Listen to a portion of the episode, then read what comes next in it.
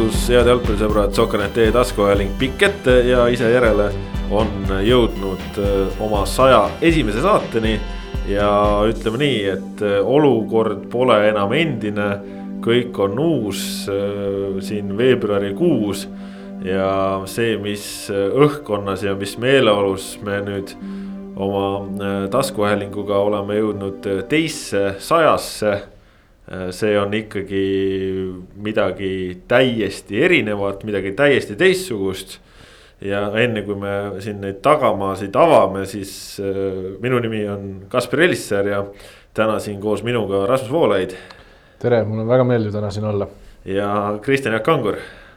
tere, jah ja räägime siis nüüd asjast ka, miks me sedavõrd heas tujus oleme ja, ja miks äh, oleme siis oma saatega ikkagi mingisuguse revolutsioonilise märgi maha saanud. seda seepärast, et äh, täna lõpuks oli päev, kus äh, me manustasime Zefiiri torti. Zefiiri tordist on äh, palju räägitud. Ott Järvela on seda kõvasti igatsenud. ja kangesti irooniline, et päeval, mil Otti siin meiega ei ole lõpuks see Zefiiri tort äh, siia meie toimetusse saabus ja. ja päeval, kui Ott siin on, siis Zefiiri torti enam ei ole. just äh, ka, ka sedapidi, aga see, kuidas see Zefiiri tort meile toimetusse saabus, on ka tegelikult äh, päris eriline. ja, ja kahtlemata kiiduväärne, ehk siis täna mõned tunnid tagasi saabus minule telefonikõne ühelt äh, podcast'i andunult äh, kuulajalt, äh, võiks isegi öelda fännilt. Siim Juksilt, kunagine isegi sokernetlane umbes noh, juba vaata et kakskümmend aastat tagasi. aga Siim Juks helistas, küsis, kus ma olen, ütlesin, et olen teel kontori poole. ta ütles hästi, ootan sind ära ja, ja kui ma lõpuks siis kohale jõudsin läbi lumise ja ja karge Tallinna. siis ootas mind ees Siim Juks Zefiiri eh, tordiga, ootas mitte ainult mind, ootas ka Rasmust ja Kangurit ja, ja tänu Siim Juksile siis oleme täna Zefiiri tordi võrra rikkamad, võime juba öelda, et Zefiiri tort on ka manustatud. nüüd juba ka Zefiiri tordi võrra vaesemad siis jah, ühesõnaga tõesti äh, suured äh, äh, kummardused ja tänud meie andunud kuulajale Siim Juksile. tegi meie päeva rõõmsaks ja, ja Siim Juks siis tõesti mõtles, et kuidas saab nii, et sada saadet on juba täis ja, ja ikka veel pole Zefiiri torti, tuleb probleem lahendada. ja Juks selle probleemi lahendas, nii et head kuulajad kui teiegi tunnete, et äh, oleme midagi hästi teinud ja tahaksite panustada meie saadete kvaliteeti, siis äh, andke märku, leiame lahendusi. ja vaatamata, vaatamata põhimõttelistele erinevustele, mis minul ja Siim Juksil on, siis tegelikult ikkagi hea mehega tegemist on jah, sinna nendest..., sinna me jõuame veel, ära muretse, Rasmus, sinna me veel jõuame. Nende erinevustest. Nendest erinevustest me jõuame rääkida äh,. Saate... mäletate, kui me enne saadet arutasime, et teeme täna neljakümne minutiga või? pool, pool vist on läinud juba ja nii hull ei ole, praegu siin vaevu neli minutit hakkab täis tiksuma, aga, aga tõesti nagu Rasmus siin vihjas, siis saate lõpus läheme Inglismaale, aga enne seda oleme Eestimaal ja ikkagi tegelikult natukene ka välismaal, nagu meil on kombeks saanud. ehk siis räägime saate alustuseks äh, Eestist välja minemisest, siis räägime, mida oleme näinud kodusel vutitandril, peamiselt äh, Jalgpalliliidu hallis Lillekülas ja siis saate lõputuseks jah, natukene ka äh, jutte Inglismaalt. aga, aga, aga ka üks põhjus, miks meil siin see saate salvestus natukene viibis oli see, et ootasime kinnitust eelinfole.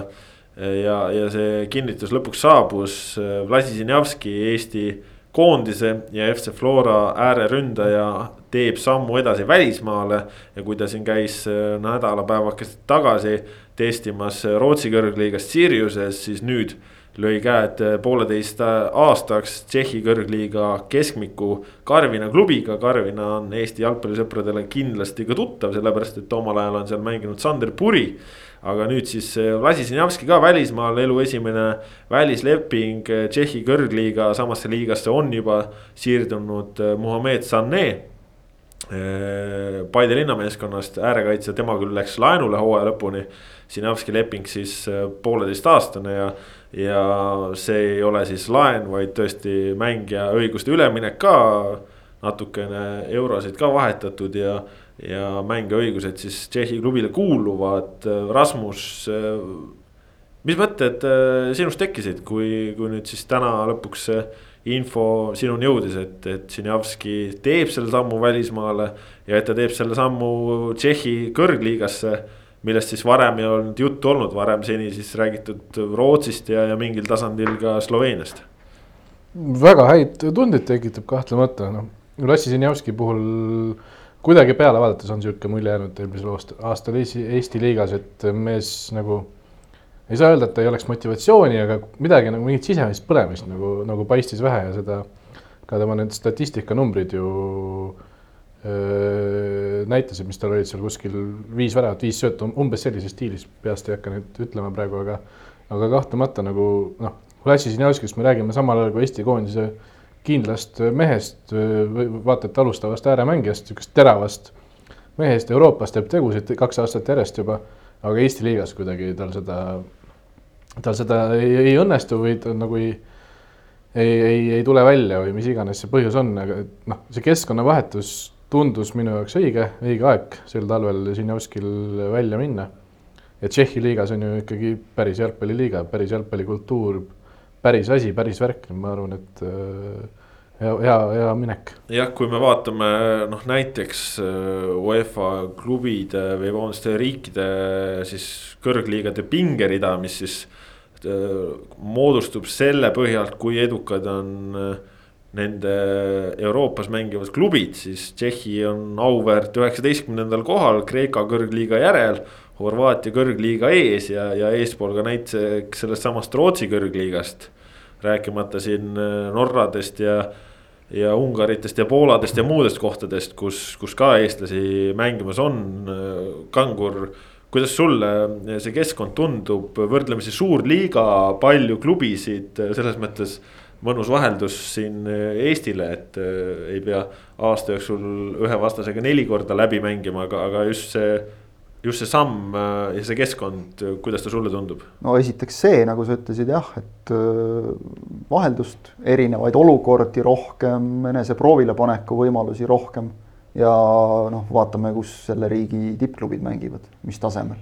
ja mis mehed seal mängivad, et kelle vastu sa saad ennast äh, proovile panna, ma ütleks suhteliselt sama, mida me rääkisime mõned saated tagasi Ladislav Kreida ülemineku kohta, et, et see on, saame nüüd näha nagu nii-öelda noh, kvaliteedi, premium-liiga kvaliteedi märki ennekõike aga ma arvan ka, et see on Sinjavskile väga õige aeg ja, ja noh, üldse tegelikult need üleminekud on nagu õigel ajal tulnud praegu, et, et mängijatele, et selgelt. Kreidale jäi Eesti juba natukene noh, nagu kitsaks just arenemise mõttes. Sinjavskile ma ütleksin ka, et, et noh, ta ikkagi oma trumpidega siin enamikku võttis ette nüüd nüüd saab siis Sannachit uuesti hakata seal ette võtma. üks mees ei ole võtmata ja tema siis ootab ja. viimase vooru sees. et, et see, see kõige raskem ilmselt, et temaga siis saab nüüd seal, seal proovida veel korra, et, et äh, hea üleminek, hästi lühidalt kokkuvõttes, et, et ütleme noh, kuskil Põhjamaade kõrgliiga oleks ka olnud hea üleminek, aga, aga see on selline ma, ma julgen nagu ikkagi arvata ja uskuda, et, et Eesti premium-liiga tippjalgpallurile peaks ikkagi sellised liigad nagu jõukohased olema just selles mõttes, et noh, oluline on ikkagi, kui me nüüd räägime arenemise ja, ja ka koondise mõttes, siis, siis oluline on ikkagi nendel meestel seal saada põhikoosseisu ja kogu aeg mängida. Kreida esimesi mänge nüüd noh, seal on vist aprillis algab hooaeg, enne mängitakse karikat ja sõprusmänge ja kõike. ta on ikkagi olnud noh, nii nagu arvata võis, põhimees, et, et, et seda on neil vaja ju hetkel.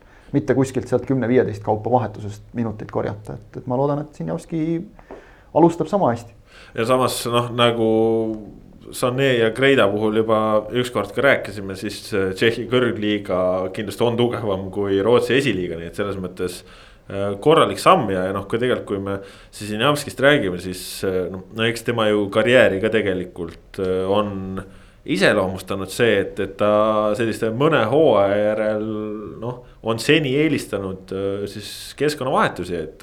et Flora, okei okay,, Florast tuli Nõmme Kaljust, Kaljust ta käis vahepeal tulevikus, ta on käinud Transis, esiliigas Pumas on ju mänginud, ehk siis noh, Sinavski tundus, et oligi, et, et tal oli vaja seda, seda sammu edasi, sest noh, võib-olla kui premium liigas Äh, võib-olla jäigi tal täielikult nagu see ühtlane kõrge stabiilsus saavutamata. siis kui me räägime olulistest mängudest, euromängud, äh, ka miks mitte mingisugused koondismängud, aga, aga eelkõige klubiga euromängud, siis nendes on ta tegelikult igal aastal näidanud, et ta on ohtlik, et ta suudab teha. ehk siis, kui on motivatsioon kõrge, vaja ennast näidata, siis ta on suutnud tõestada, et ta on ikkagi vägagi mängumees jah, vahel me kasutame nagu sellist, mõni mängija on niisugune nagu noh, tujumängija, et, et kui tal on, see tähendab siis tavaliselt seda, et, et kui tal on hea tuju, siis ta teeb asju väga hästi ja kui tal tuju ei ole, siis ta noh, teinekord on vaata et koormaks väljakul, seda kindlasti Sinjavski kohta öelda ei saa. aga ma ei ütleks, et ta on siis mitte nagu tujumängija, vaid ta on selline hea tujumängija, et tal peab olema see selline mõnus hoog ja, ja vibe sees ja, ja siis tal tulevad asjad hästi välja, sest ta on ka minu silmis, mulle tundub natukene selline nagu kunstniku tüüpi mängija, et, et ta, ta, ta teinekord mingeid asju tundub, et ta teeb nii, et need tulevad tal kuidagi kuskilt seest iseenesest.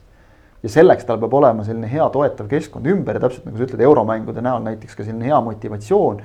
ja, ja siis tulevad Eintrachtile risti ja, ja, ja, ja kõik muud sellised asjad välja et, et äh, see, see, ma arvan, on, on tema puhul üks, üks võtmeasju. ja, ja see võiks, võiks nüüd noh, nagu anda alust, et, et tal läheb hästi, aga noh, selleks ta peaks jälle seal saama ka nagu mängida, usaldust peaks saama koguda, et eks paistab. no see on teatud mõttes on see muidugi ka hoiatav või nagu mõelda selle peale, et kui mees äh, tahab nii kiiret keskkonnavahetust sageli, okei okay,, noh, Florast ta nüüd ikkagi natuke aega oli, paar aastat ja kaks pool vist, kaks täishooaega ja pool hooaega vist oli see, kui ta tuli, siis äh, noh, et nüüd Tšehhis tal ei ole enam seda nagu toetavat kesk-, nii toetavat keskkonda, kus talle antakse asju andeks, kus ta on nagu. aga leping poolteist aastat. leping on poolteist aastat ja kus ta on nagu staar, kus ta, tema, tema, tema on nagu see, kelle jaoks asjad ette ära tehakse või, või noh, mitte, mitte seda ei saa öelda päris, aga aga Tšehhis tal ei ole seda võimalust jalga sirgeks lasta ja teha kehva hooaega ja keskenduda ainult suurtele mängudele, kui tal Slaavia vastu tuleb või midagi sellist, et seal ta peab nagu no, esimesest no, päevast kohe tegema. ma ei ütleks, et ta Eestis seda teinud oleks, minu meelest on lihtsalt see, et, et ta ongi, kui ta on tõesti nagu niimoodi paariaastaste tsüklite kaupa liikunud, siis ta, see on olnud loomulik edasiliikumine. et, et tema, tema areng on noh, käinud sellega kaasas ja sa mingil hetkel tunnedki tõesti, et noh, nagu mingi lagi tuleb nagu ette, Eestis talle ikkagi see selgelt tuli ja, ja ja no, selle tõttu ma arvan, et seal ei tule nagu see küll, küll nii kergesti. Ja, ja et see seal noh, ütleme kasvõi iga, iga mäng täpselt seal Sparta või Slaaviaga on, on selline, kus sa noh, lähedki, see on veel omakorda samm edasi Tšehhi kõrgliiga, ütleme sellest teise poole meeskondadega mängimisest aga tema lagi kindlasti ei ole kaks tuhat kakskümmend aastal Premiumi liigas viis väravat, viis söötu, vaid. Äh, see on kõige suurem probleem Sinovski juures on yeah, need et, numbrid, et ta, ta nagu igas mängus, kui sa vaatad, ta teeb, ta noh loob, ta tekitab kasvõi sellega, et, et teda võetakse tihti kahe mehega, näiteks koondise mängudes viimastes oli näha, et. just ta on, koondise mängudes, aga koondise mängudes, me ei räägi, no aga miks ta ei löö Kalevitele Viljanditele ja sellistele asjadele, noh. noh, neid on meil siin ka nähtud, kes neile löövad ja siis suurtes jälle vähe löövad nagu, et, et vot ikkagi see, mulle nagu meeldib tema puhul see, mida Kaspar välja tõi, et suurtes mängudes ta suudab tihtipeale. see meeldib kõigile, ma arvan. jah, et paljud mehed kaovad nagu ära. absoluutselt. et, et see, see annab nagu lootust, et, et tal võiks seal hästi minna, aga, aga seda kunagi ei tea, selles mõttes, et me ei tea absoluutselt seda keskkonda, me ei tea, eks ole, mis tüüpi treener on, mõni mängija vajab sellist toetavat, mõni vajab sellist hästi nõudlikku, karmi käega treenerit muidugi Sinjavskil on olnud mõlemaid, eks ole, et, et noh, Kaljus oli natukene ühtemoodi, Floras oli natukene teistmoodi, et, et ega ta on, ta on piisavalt küps mängumees, et ta peab, tema ise peab nende asjadega toime tulema ja, ja see on muidugi õige, et, et noh, see on nagu kõik ju, kes on välismaale läinud ja seal nagu tõesti edukad olnud, räägivad, et nüüd alles algab töö. see ei ole see, et nüüd ma olen kuskile jõudnud, nüüd algab töö alles, kui sa tahad kuskile tõesti nagu jõuda tippu absoluutselt ja, ja natukene võib-olla siis äh, Flora poolt äh, ka tausta sai nendega ka suheldud, et äh, kuidas see olukord siis lõpuks edasi läks, et Sinjamski just nimelt Tšehhi maandus ja. ja noh, põhimõtteliselt asi lihtne, et oligi, kuna Rootsiga oli see variant oli või see võimalus oli natukene ebaselge, siis kuna tuli samal ajal Tšehhist väga konkreetne võimalus, pakkumine, siis, siis taheti ka, et, et ta teeks selle järgmise sammu edasi ja, ja võetigi kohe variant käiku ja, ja, ja mindi siin sellega lõpuni, et selles mõttes. tõesti on ju tegelikult veel äh, turud lahti Kesk-Euroopas ka mõnda aega, aga, aga variant tekkis, huvi oli. samuti noh, arusaadav ka, miks Flora soovis, et, et Sinjavski saaks ka selle järgmise sammu teha, sest noh äh,. nagu nägime halliturniiril, siis nendel on kvaliteetseid ääremängijaid küll praegu, sellest jõuame hiljem rääkida aga selles mõttes loogiline ja, ja kindlasti õigel ajal tehtud samm ja. ja ma arvan, kokkuvõttes ka vähemalt hetkeseisul hea lahendus, et äh, tundub väga selline koht, kus, kus tõesti see tase on kõrgem aga kus ta võiks ilusti ka hakkama saada, et äh, kokkuvõttes äh, hindame positiivselt seda üleminekut. ja kahtlemata, kahtlemata tegelikult on see hea üleminek, lihtsalt noh paar hoiatavat asja on, ma loodan, et ta saab nendest seal, seal ei tekkinud neid probleeme, motivatsiooniprobleeme, seal ta paneb täiega ja siis. ja kui ta paneb täiega, siis ma arvan, ta paneb seal hästi ka. ja noh, samas ütleme, et kui ta Tšehhi kõrgliigas teeks kümme resultatiivsuspunkti, noh näiteks nagu premium-liigas, see oleks ju väga korralik, väga korralik jah vot, aga ei olnud Sinjavski siis viimasest ajast ainus mees, kes välismaale läinud nädalavahetuse ka selline võib-olla kõige ootamatum äh, liigutus äh, Tabasalust, äh, esiliiga B-st. Sten Jakovidas, seitsmeteistaastane ääremängija, ka senine noortekoondislane, tegi siis sammu edasi Portugali kõrgliiga klubi Victoria akadeemiasse siis kolmeaastase lepinguga. ja noh, see on vägev asi, Portugalis pole näinud eestlasi pärast Vjatšeslav Sahavaikot, nii et äh, selles mõttes tema oli seal äh, leerias ja, ja, ja mängis ka ja, ja nüüd siis jälle üks turg, kus, kus me ei ole näinud tegelikult äh, eestlasi sellisel ka noorte tasemel üldse mitte. Mina ei ole, olen Viidast näinud kaks tuhat üheksateist vist viimati koondise mängudes, noortekoondise mängudes, kuna eelmine aasta neid ju vist ei olnudki ja esiliiga B-d ei sattunud ka liiga palju vaatama ja kusjuures siis ma enda peast tõmbasin paralleele Viidasega just Žinjovskiga, et selline noh, kuidagi selline pikk sihvakas sirgjooneline äär mõnes mõttes. ma ei tea, kui palju tema trump on nüüd niimoodi noh, see klassikaline Žinjovski, et äh, pete sisse ja taha risti. seda ma ei julge öelda, aga just noh, kuidagi, kuidagi meenutas oma profiililt ja tüübilt Žinjovskit ja ja olen teda nagu selles mõttes jälginud tema numbreid ja mõelnud, et äkki saaks selle vennaga varsti Premiumi liigasse, aga ma võtan vastu ka Portugali, kui, kui on alternatiiv see ja see keskkond, kus ta läheb U üheksateist liigasse, seal siis Victoria selline noh, tabeli keskmik on vist aus öelda, et.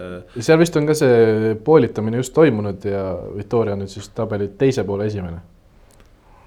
no esimene ikka väga raske on hinnata vot neid äh, noorteliigasid, nende tugevust nagu Euroopa raames, et meil tegelikult ju no ma, ma vist julgen kõige eest rääkida, et meil nagu puuduvad teadmised tegelikult, et seda nagu paika, paika panna kuidagi, aga noh, sellise jalgpalliriigi noorteliigad ei saa ju kehvad olla. sealt sellise... tuleb päris palju häid noori on tulnud no,. mõned ikka tulevad nagu jah, eks ole, et, et ja, ja, ja noh, jätame need Porto ja Lissaboni suurklubid, eks ole, siin isegi kõrvale, siis noh, Gimaraši Victoria on ikkagi selline. see on ikka klubi suure K-tähega nagu, et, et see. Need, tingimused peavad olema head ja, ja kui nad ikkagi kolmeaastase lepingu sellise mehega teevad, siis nad näevad temas mingit potentsiaali ehk et jah, minul õnnestus vist Viidast ka mäletamist mööda tõesti, nagu sa ütlesid, mängud on päris palju on möödas juba, ootamatult palju. aga ta, ta on endiselt seitsmeteistaastane. ta, ta jäi nagu, ta jäi nagu silma nendes yeah. mängudes, et, et see noh on, on, on äge, ühesõnaga, et, et meil ikkagi nagu. mul on sihuke tunne, et me oleme nagu oma mingist teatavast surnud punktist üle saanud, et, et, et nagu.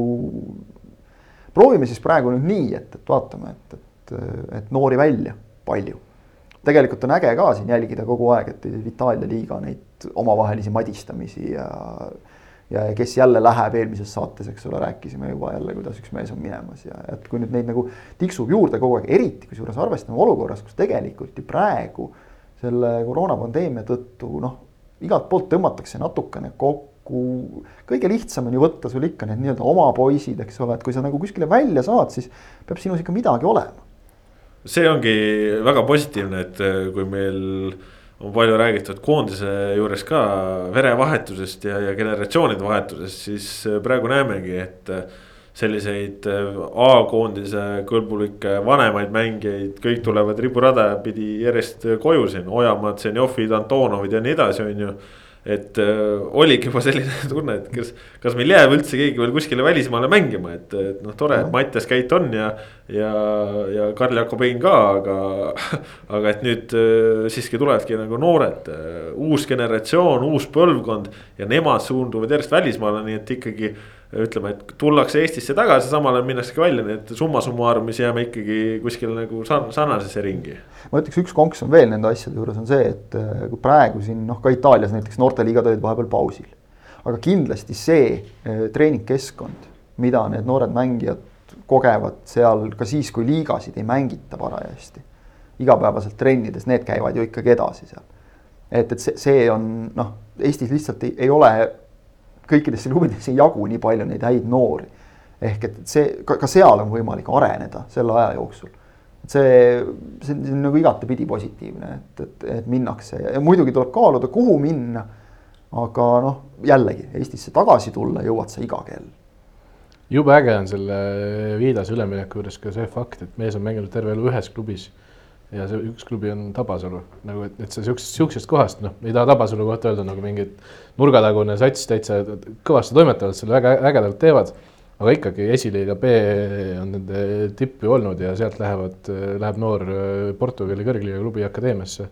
järelikult saab silma paista. vaata Tabasalud, Nõmme Unitedid, need, mulle meeldib see, et Eestis on ka nagu saadud üle mingist, ma ei tea, nimetame seda siis valehäbiks või jumal teab milleks, aga et noh, nagu peab iga hinna eest suruma nagu noh esindusmeeskonda kuskile kõrgele. et saadakse aru mm -hmm. sellest ka, et, et selle noorte kasvatamise kaudu, et see, see on ju tegelikult, ma kujutan ette, et Tabasalu inimestele pakub see klubi töötajatele kõigile, see, see pakub ju nagu oluliselt ägedama emotsiooni, kui sinu poiss läheb ja, ja lööb läbi. kui see, et me noh, toon täiesti hüpoteetilise näite, pressime ennast meistriliigasse siis saame aru, et oleme, oleme üle oma võimete elanud, kukume sealt uuesti välja ja siis lakume neid haavu veel mitu aastat, eks ole. natuke no, nagu Rakvere Tarve näide näiteks. hea näide kusjuures tegelikult jah, et koht, kus nagu üldse ei tehtud halba tööd, aga ilmselgelt see käis üle jõu ja, ja siis kuidagi kaob meestel ära see mängulust, eks ole, mingi tuumik laguneb laiali ja noh, nii ta läheb, seal on muidugi palju muid põhjuseid ka veel, eks ole, aga, aga lihtsalt see, et, et, et, et aga olegi nagu see tööta oma väikse kogukonnaga, ole kasvatajaklubi ja ma usun tegelikult, et need emotsioonid, mida sa lõpuks sealt pika aja peale saad, neid emotsioone tuleb võib-olla natuke kauem oodata. aga, aga nad on kuidagi siiramad ja ägedamad ja kokkuvõttes elu on näidanud ka, et isegi kui noor mängija Eestist läheb välismaale kuskile akadeemiasse. ja ütleme, et ei löö seal läbi, siis äh, see, et Eestist on mäng juba sinna läinud, see üldiselt näitab tema mingisugust klassi, eks ju, kui me võtame praegu. Joonas Tamm, Henri Anier Sampdoria akadeemiast läbi ei löönud, no julgen niimoodi öelda küll, said väga kõvasti kogemust, on ju, aga. aga midagi nagu liiga suurt nad, nad seal ei teinud, on ju, siis mõlemad on praegu Eesti koondise jaoks absoluutselt ülivajalikud mängijad mängijad ja, ja noh, Tamm on saanud nüüd siis pärast Eestisse tagasi tulemist äh, väga korraliku hoo oma karjäärile sisse ja nüüd aastaid juba välismaal olnud. ja, ja üha tugevamates klubides ja noh, Henri Anier on olnud aastaid koondise esiründaja ja noh, praegu Paides näeme, et värava löömine on tal väga hästi endiselt selge, et selles mõttes. see, et juba siit keegi välja läheb, see tähendab, et sul on mingisugune kriitiline tase igal juhul olemas. ja mõelge, mida see tähendab näiteks teistele nendele Tabasalu poistele, kes on, kes on kas selle Viidasega isegi võib-olla seal koos mänginud, mõni on on võib-olla mõne aasta noorem või. Viida, Viidas võib-olla kuskil noortetrennis käinud, näidanud nägu. kus iganes vaatamas käinud teda, eks ole, seal samamoodi, kes võib-olla Karl-Jakob Heinaga Nõmme Unitedis, eks ole, koos said olla, et millise emotsioonilaksu see neile annab, et on võimalik minna siit ja, ja on, mille nimel töötada, vaeva näha ja, ja pikas plaanis siis on tegelikult ka igati loogiline, et tuleb ka seesama kõrgliiga koht klubile, aga see tuleb siis nagu sellise loomuliku püramiidi tipu noh, tõusmisena, selle tulemusena, et, et see ei ole surutud kuidagi see on noh, just mida, mida laiapõhjalisemalt meil Eestis nagu tööd tehakse. et ju noh, jube äge on, kui lähevad premium-liiga klubidest mängijad välismaale, ükskõik kas noorena või siis nagu Sinjavski juba, juba täis, täisealise mängumehena täiesti. aga mida laiem see püramiid on, selles mõttes mul võib-olla tõesti noh, sellisest Viidase minekust või, või Kaur Kivila minekust või Elkost ja noh, sellistest, selliste asjade üle on nagu veel rohkem hea meel. kes iganes nagu välja saab, hea meel on kõigi üle loomulikult, aga see on nagu kuidagi veel parem näide sellest, et, et saab ka mujal. Tabasalu noor Kevor Palumets käis, tuli tagasi Markus Soomets läks, tuli tagasi ja vaatame nüüd mehi nagu Soomets paneb ju otsapidi koondises. Palumets on Paides selline väga-väga perspektiivikas noor, et isegi, isegi kui ei õnnestu ja tuled tagasi, siis no kogemus on ikkagi ju noh, meeletu ja. ongi täpselt, mis sa sealt ise oskad kaasa võtta, eks ole. kasvõi see, et, et noh, lihtsalt noortel poistel täiesti võõras keskkonnas, sa pead seal ikkagi mehe eest väljas olema igas mõttes, mitte ainult mängijana, vaid ka, vaid ka nagu eraeluliselt ja, ja see karastab ja kahtlemata Portugali puhul tuleb ju ka mainida, et äh, ikkagi hea kliima ja võib-olla väiksem vigastusoht ka, et äh, selles mõttes see on tore. aga ei ole ainult mitte Eesti meesjalgpallurid need, kes on äh, piiri taha läinud. sai möödunud nädalal kinnituse ka FC Flora naiskonna esiväravahi Ketriin Strigini siirdumine Austriasse, Innsbrucki Vakkerisse kõrgliigas seal siis äh, noh, tabeli tagumises otsas praegu. aga nüüd me oleme siis äh, põnevas seisus, kus Eesti koondise no ikkagi kaks esinumbrit värava suul, nii Katrin Strigin kui Karina Kork, mõlemad mängivad Austria kõrgliigas, Kork ju liitus ka sel talvel Vorderlandiga äh, kes on noh, ka mitte küll seal esimeses suuruses liigatabelis, aga, aga väga selline intrigeeriv olukord, kus ühe talvega kaks koondislast ja kaks väravahti on, on läinud Austriasse, nii et tundub, et mingisugune uks on lahti tehtud ja, ja kindlasti Eesti naisjalgpallurite jaoks väga põnevaks. väga oluline oleks nüüd see, et äh, mingit jama ei juhtu, et Austria liiga millegipärast ei laseks koondisesse Eesti, Eesti mängijaid. sellepärast siis oleks küll pahandus, kui kaks esiväravahti jäävad, jäävad sellepärast lihtsalt äh, tulemata, et äh, Austria millegipärast ei, ei lase välja neid, aga aga no tõesti, no äge on ju, äge. noh, ikka, ikka on äge vaadata välismaal mängivaid eestlaseid ja. sisuliselt sama jutt, sisuliselt sama jutt, et nagu, nagu noorte jalgpalli kohta, nii ka naiste jalgpalli kohta, et see ju innustab teisi. ja paljud siin näiteks eelmisel aastal noh, või noh, nii mõnigi jauras nagu selle üle, et, et miks see Karina Kork sinna Soome läks, et noh, nüüd istub pingil, eks ole. mängida ei saa, mängib noor kohalik kui ajasin temaga juttu siin ühel, oli vist see sügise paiku siin koondise kogunemisel, siis, siis ta ütles, et noh, kasvõi treeningtingimused. see, et on väravavahtide treener, see, et, et väravavahte on klubis mitu, et, et kasvõi need mängijad, kes sulle pealelööke teevad näiteks trennis, on parema tasemega. see aitab, aitab nagu tohutult, et see ongi nagu hea näide sellest, et okei okay,, noh, väravavahi saatus, ei saanud mängida, teine mängis aga areng oli võimalik teha ja sealt järgmisesse välisklubisse oli ka võimalik minna, et, et see.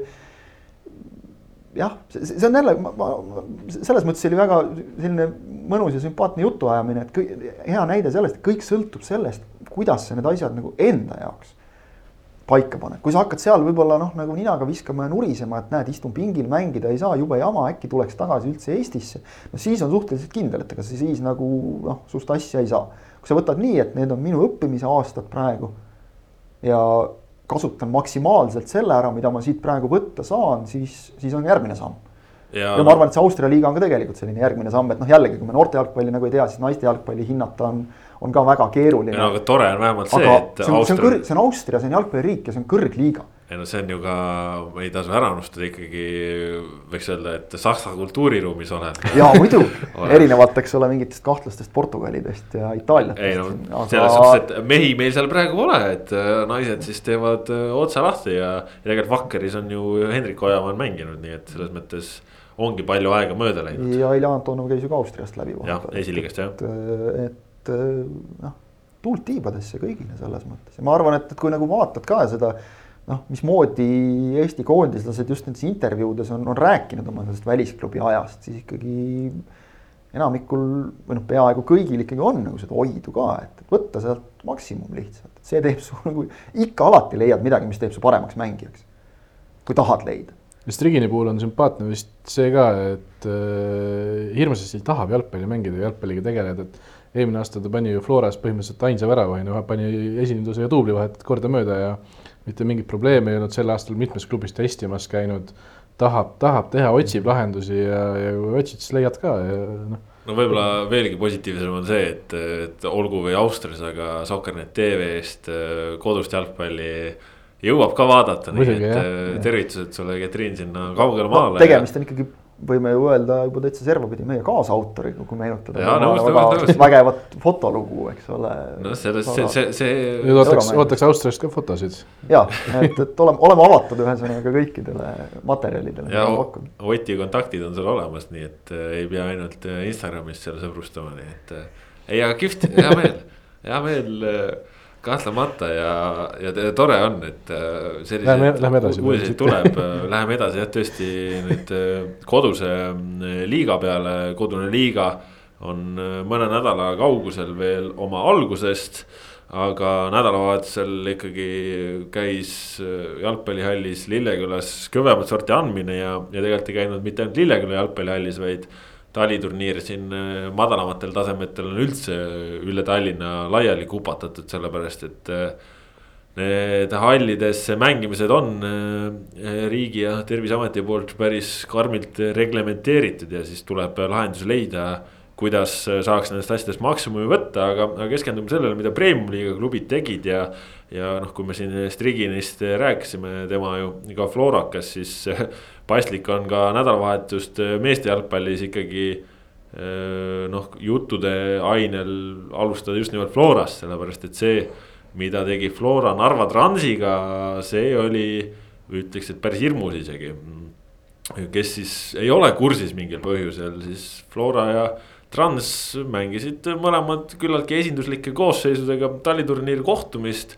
umbkaudu kümmekond minutit oli mängitud, kui Flora juhtis kolm-null Äh, esimene poolaeg oli mängitud ja seis oli, mis ta oli siis, kuus-null või? poole, kolmkümmend seitse minti oli kuus-null. kolmkümmend seitse minutit, sellega oli kuus-null ja lõpuks siis mäng lõppes seitse-null.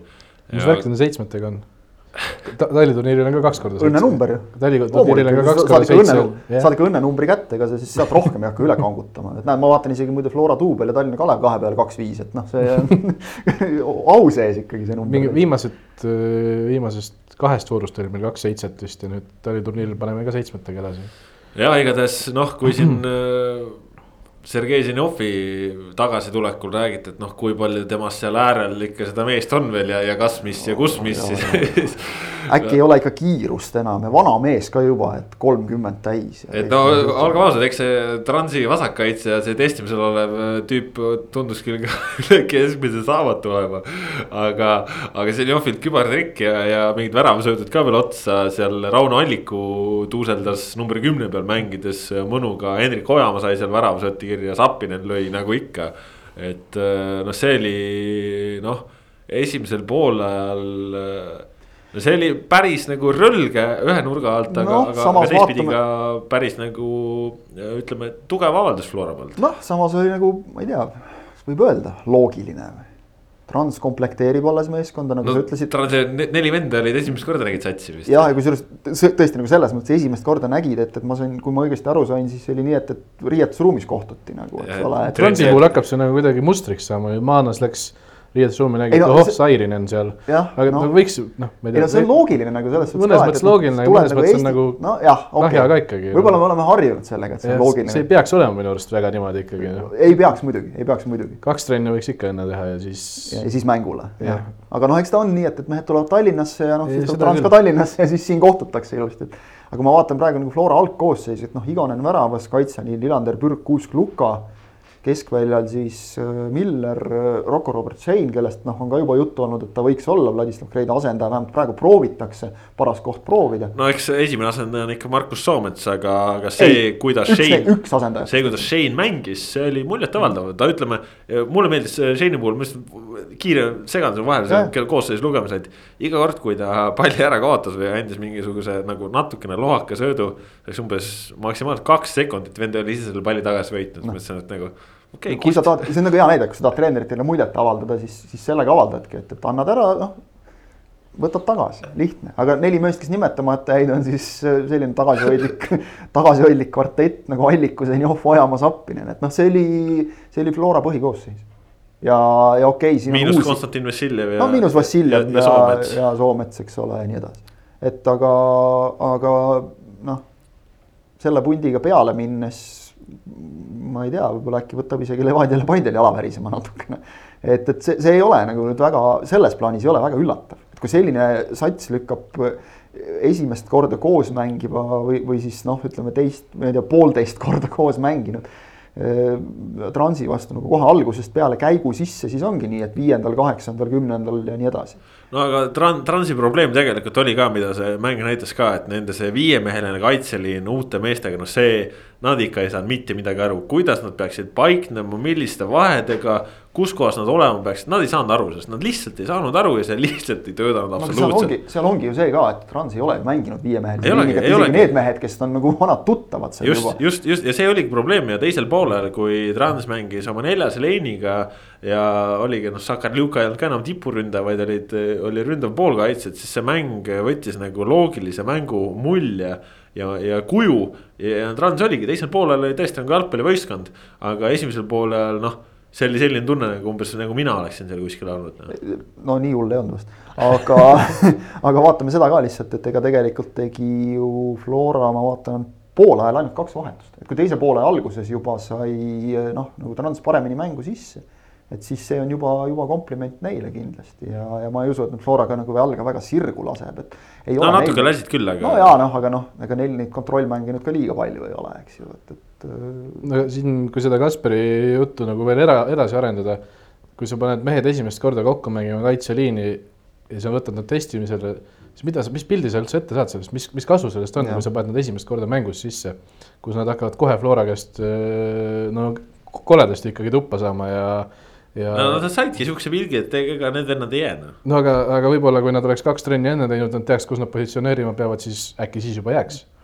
Nii on jah, kuigi see vasakkaitse puurut ma ei tea, see oli ikka ulme vend, see oli tõesti ulme vend. ei noh, selliseid kaikaid nagu on siia alati tulnud, eks ole, et paneks kohe bussi peale tagasi ja saadaks, eks ole, jälle minema, aga. säästad sõidupileti Narva ka veel. jah, näiteks just täpselt äh,, ei pea talle sinna mingit vitsalõiku kaasa ostma mm, -hmm. eks ole, buss ega malapakki andma et see sääduks, sääst missugune, eks ole, soodukas, aga, aga no,. võib-olla tuli Ryanairiga ka veel. no ja ainuke väike, vaata väike häda on see, et, et keegi tuleb sinna väljakule ikkagi panna ja siis sa pead hakkama uut meest otsima jälle, et jah, selles suhtes on sul jutus nagu väga, vägagi tõde, et, et noh. kuidas sa saad mängijast pilti ette niimoodi? alati võib muidugi juhtuda, et ta on kaks trenni teinud ja trennis olnud väga kõva mees ja see oli vist Deniss Belov, kes mainis siin nagu ka, et. et mõni mees näiteks trennis nagu ei jätnud väga muljet, aga mängus teeb kõik täpselt nii, nagu treenerid tahavad.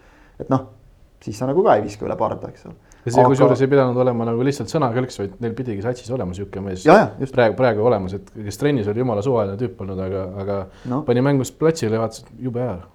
jah, kes ta nüüd on täpselt, eks siis. no eks saate no, vaadata. Sander Puri ei olnud, ma arvan tema, tema puhul nagu ei, ei pea selles mm -hmm. kahtlema. Sander Aga... Puri puhul me teame, et ta ei mänginud ühte mängu, sest ta oli piisavalt vähe koos treeninud. no just, aga noh Sander Purgi kvaliteet nagu üldiselt on teada ikkagi pigem, et, et võib-olla siin ei ole küsimärk. ei ole, absoluutselt ei ole. Äh... siin on ka nagu peab video pealt vaatama nagu siin mõnda meest.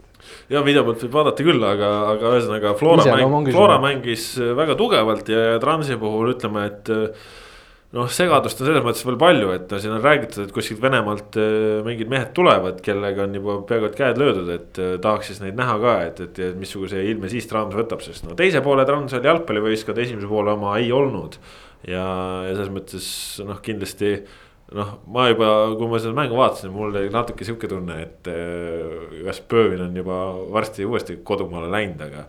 Aga teine poole kandis ikkagi usku, et, et võib-olla ikkagi saab hooaega alustada. No me oleme näinud siin halliturniiril enne ka, kuidas no see oli piinlik. köetakse sauna ja no,, ja ei tule see, välja. see oli nii rõvedalt piinlik, et Trans hakkas mängima natukene hakkas mängima pärast null kolm kaotusseisu jäämist et noh, see oli, noh, see oli nagu tõesti rõve, noh, see oli tõesti rõve, aga seda oli kihvt vaadata ka, sest äh, see oli nagu nii ekstreemne. ei no mis kellelegi meeldib, ega ei, ma saan su loogikast aru küll, ega siin mängu vist võttis kokku hea kolleeg Järvela, kes karjatas kahekümne üheksandal minutil, et tähelepanu, Trans on jõudnud Flora karistusalasse ehk et noh, kui, kui pead nagu selliseid asju juba tegema ja lugejakirju ette lugema eetris, siis siis see ütleb mängu kohta mõndagi. just, aga oluliselt äh, intrigeerivam mäng oli ka näiteks äh, reedel õnnestus endal äh, nautida, isegi ma ütleksin ühte eriliselt vihast ja, ja nagu põhimõttelist ja. ja küllalt hea tempoga mängu, Tartu Tammeka, Viljandi tulevik, tulevik võitis kahest penaltist kaks-üks. Tartu Tammeka lõi siis kolme mängu jooksul oma esimese värava halliturniiril, mõlemad. ilusa pealegi mõlemad äh, satsid siis äh, tulevad äh, peale olukorras, kus oma koduses keskkonnas väga jalgpalli ei ole võimalik mängida, ehk siis Eestimaa talv on kõikjal väljaspool Tallinnat ikkagi selle otsese kunstmuru peal jalgpalli mängimise noh, suhteliselt välja suretanud, et Tammeka küll teeb seda. Aga noh, teeb seda mitte just ideaalsetes oludes, vaid, vaid lume vahel. Viljandi tulevik on juba käega löönud, ehk siis olid seal vahepeal saali jalkalainel ja, ja nüüd siis tulnud üldse Tallinnasse. et saaks hallis mängida ja noh, Pärnu vaprusest jõuame ka veel rääkida. tulevad vist korra veel, kui tulevikust rääkida peaks, vähemalt plaan vähemalt pidi nii olema. kas tulevikul on tulevikus plaanis veel Tallinnasse tulla? jah, Rasmus. Aga, aga mäng ka, mida, mida see näitas seda, et, et kuigi praegusel hetkel siis väga palju pallitrenni ei ole tehtud, siis põhja on laotud kõvasti, mehed joosta jaksasid.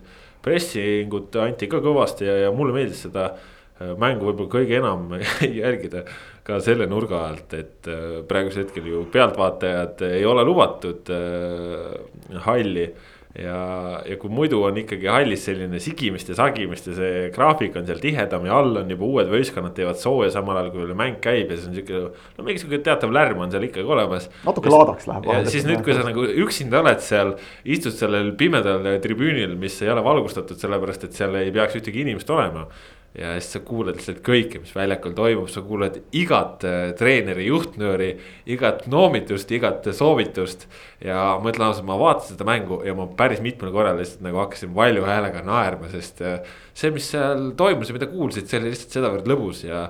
ja mäng oli ka lõbus, nii et äh, no. kahtlemata nagu positiivseid kogemusi Eesti jalgpallist on lõbus saada ka siin veebruarikuus juba. kes on silm peale andunud vaataja, see ilmselt teab väga hästi, et et äh, kui Kaido Koppel väljaku ääres, siis nagu igav ei ole, igav ei ole ja, ja. siis ei ole vahet ka, kas riiet, rahvas on tribüünil või ei ole, et sa kuuled ikka, sa kuuled ikka. ja aga, aga ega Jaanus Reitel ei ole ka selline suu peale kukkunud treener, et, et tuleb ka sealt.